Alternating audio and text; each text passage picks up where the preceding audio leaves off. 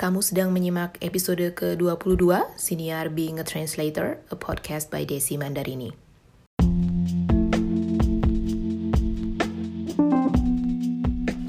Selamat datang di podcast Being a Translator. Nama saya Desi Mandarini, saya adalah penerjemah dan juru bahasa lepas untuk pasangan bahasa Inggris Indonesia.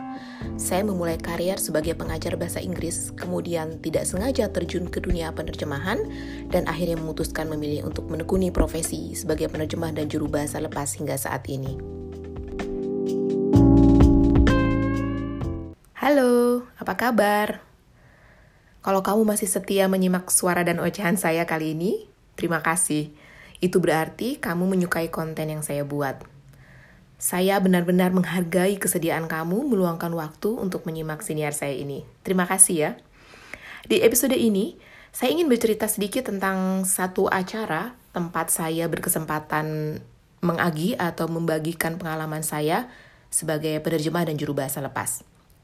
Jadi, pada bulan Mei, tepatnya tanggal 4 Mei yang lalu, saya diundang oleh salah seorang alumni alma mater saya, yaitu Universitas Pendidikan Ganesha. Jadi beliau mengundang saya untuk berbagi tentang pengalaman saya sebagai pekerja bahasa. Saya akan berbicara, membagikan pengalaman saya di salah satu acara bincang-bincang yang merupakan bagian dari acara reuni alumni Universitas Pendidikan Ganesha. Universitas Pendidikan Ganesha ini dulu namanya IKIP Singaraja.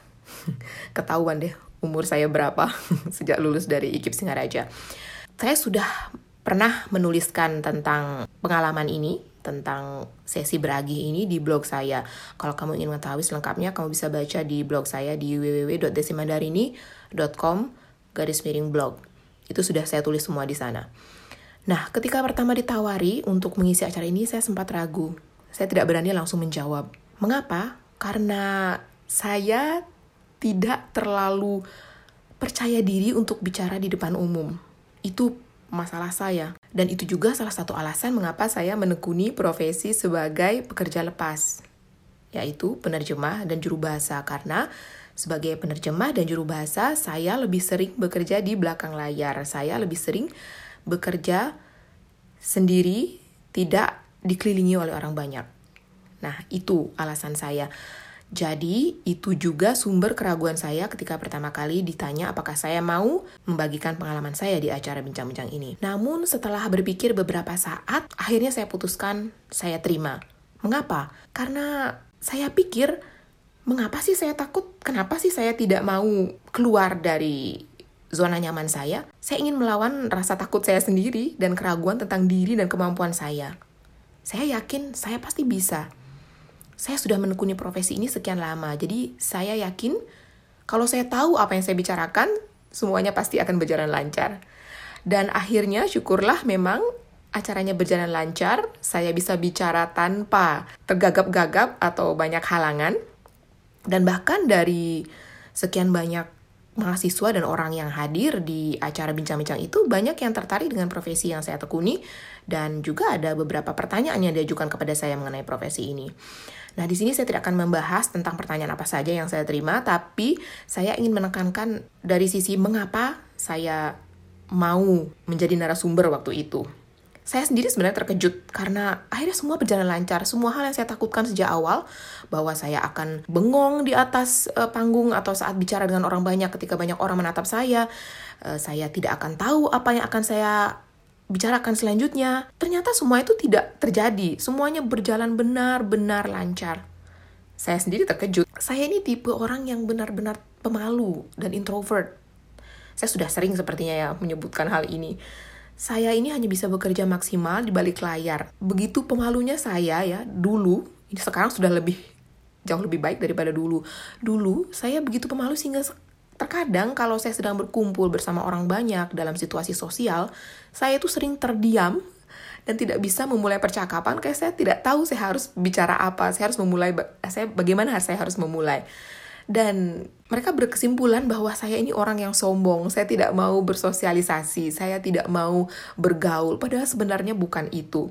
Nah, dari sinilah saya bertekad, saya tidak mau orang memang saya tidak terlalu berpikir ber, tidak terlalu khawatir orang akan berpikir apa tentang saya. Toh sejauh ini saya bisa maju, saya bisa bekerja memenuhi kebutuhan saya sendiri. Tapi yang saya khawatirkan adalah profesi ini memerlukan um, kerjasama, memerlukan uh, kita bergaul. Saya bergaul dengan banyak orang mengetahui, mengenal rekan-rekan seprofesi saya. Dan terkadang ya mau tidak mau saya juga harus berbagi mengenai pengalaman saya. Karena saya tidak ingin apa yang saya ketahui sendiri ini saya simpan sendiri. Saya ingin orang banyak juga tahu tentang profesi ini. Saya sering ditanya kamu kerjanya apa sih?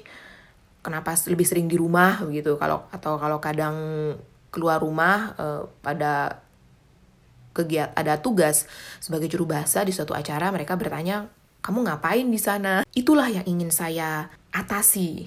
Selain untuk diri saya sendiri, saya juga ingin ini berguna untuk orang lain. Saya juga berpikir sampai kapan sih saya ingin terus memelihara keyakinan negatif ini bahwa apa yang sudah saya kerjakan dan pelajari sendiri selama 9 tahun terakhir ini tidak berguna bagi orang lain, hanya berguna bagi saya. Saya ingin mematahkan keyakinan negatif saya itu sendiri. Saya pikir setiap keping pengetahuan yang saya ketahui itu pasti ada gunanya untuk orang lain.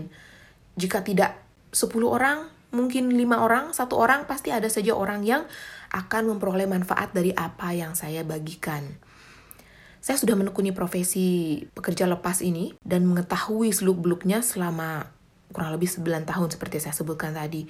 Dan saya ingin juga orang lain bisa seperti saya, bisa bekerja untuk diri mereka sendiri, sukses dengan cara mereka sendiri, dan mengetahui sendiri bagaimana suka dukanya, bagaimana pahit manisnya profesi ini. Jadi mereka bisa lebih menghargai dan tidak hanya melihat dari sudut pandang mereka dari luar, tapi dari dalam karena mereka sendiri yang menekuninya. Jadi itu semua alasan saya berani untuk menghadiri sesi beragih pada bulan Mei lalu dan memutuskan berani untuk bicara di hadapan banyak orang untuk membagikan apa yang telah saya alami dan saya ketahui tentang profesi saya sebagai penerjemah dan juru bahasa lepas. Itu saja yang ingin saya sampaikan kali ini. Kalau kamu juga pekerja lepas, penerjemah, pekerja bahasa, atau memang baru mau memulai bekerja lepas, baik itu sebagai penerjemah atau yang lain, dan kamu pikir kamu punya pertanyaan, kamu ingin tahu tentang profesi penerjemah dan juru bahasa, kamu bisa bertanya kepada saya kapan saja lewat media apa saja. Kamu bisa mengirimi saya surel, kamu bisa menghubungi saya lewat media sosial saya di Instagram atau di Facebook, dan saya akan pastikan saya menjawab setiap pertanyaan yang kamu ajukan. Karena seperti yang saya katakan tadi, saya tidak ingin menyimpan sendiri pengetahuan yang saya miliki. Baiklah, sekian dulu dari saya kali ini. Sampai jumpa lagi di episode selanjutnya, Jumat depan.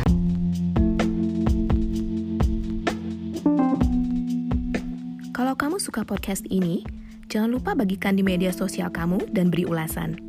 Saya juga menulis tentang pengalaman dan tips seputar penerjemahan dan freelancing di blog saya di www.desimandarini.com. Kirimkan pertanyaan, komentar, dan masukan kamu ke alamat email hello at desimandarini.com atau ke Twitter di DF Mandarini. Tertarik untuk menjalani karier sebagai penerjemah lepas? Atau sekadar ingin tahu lebih banyak tentang keseharian penerjemah dan juru bahasa saat bekerja? Ikuti Instagram saya di Desi Mandarini. Sampai jumpa di episode berikutnya dan salam sukses! thank you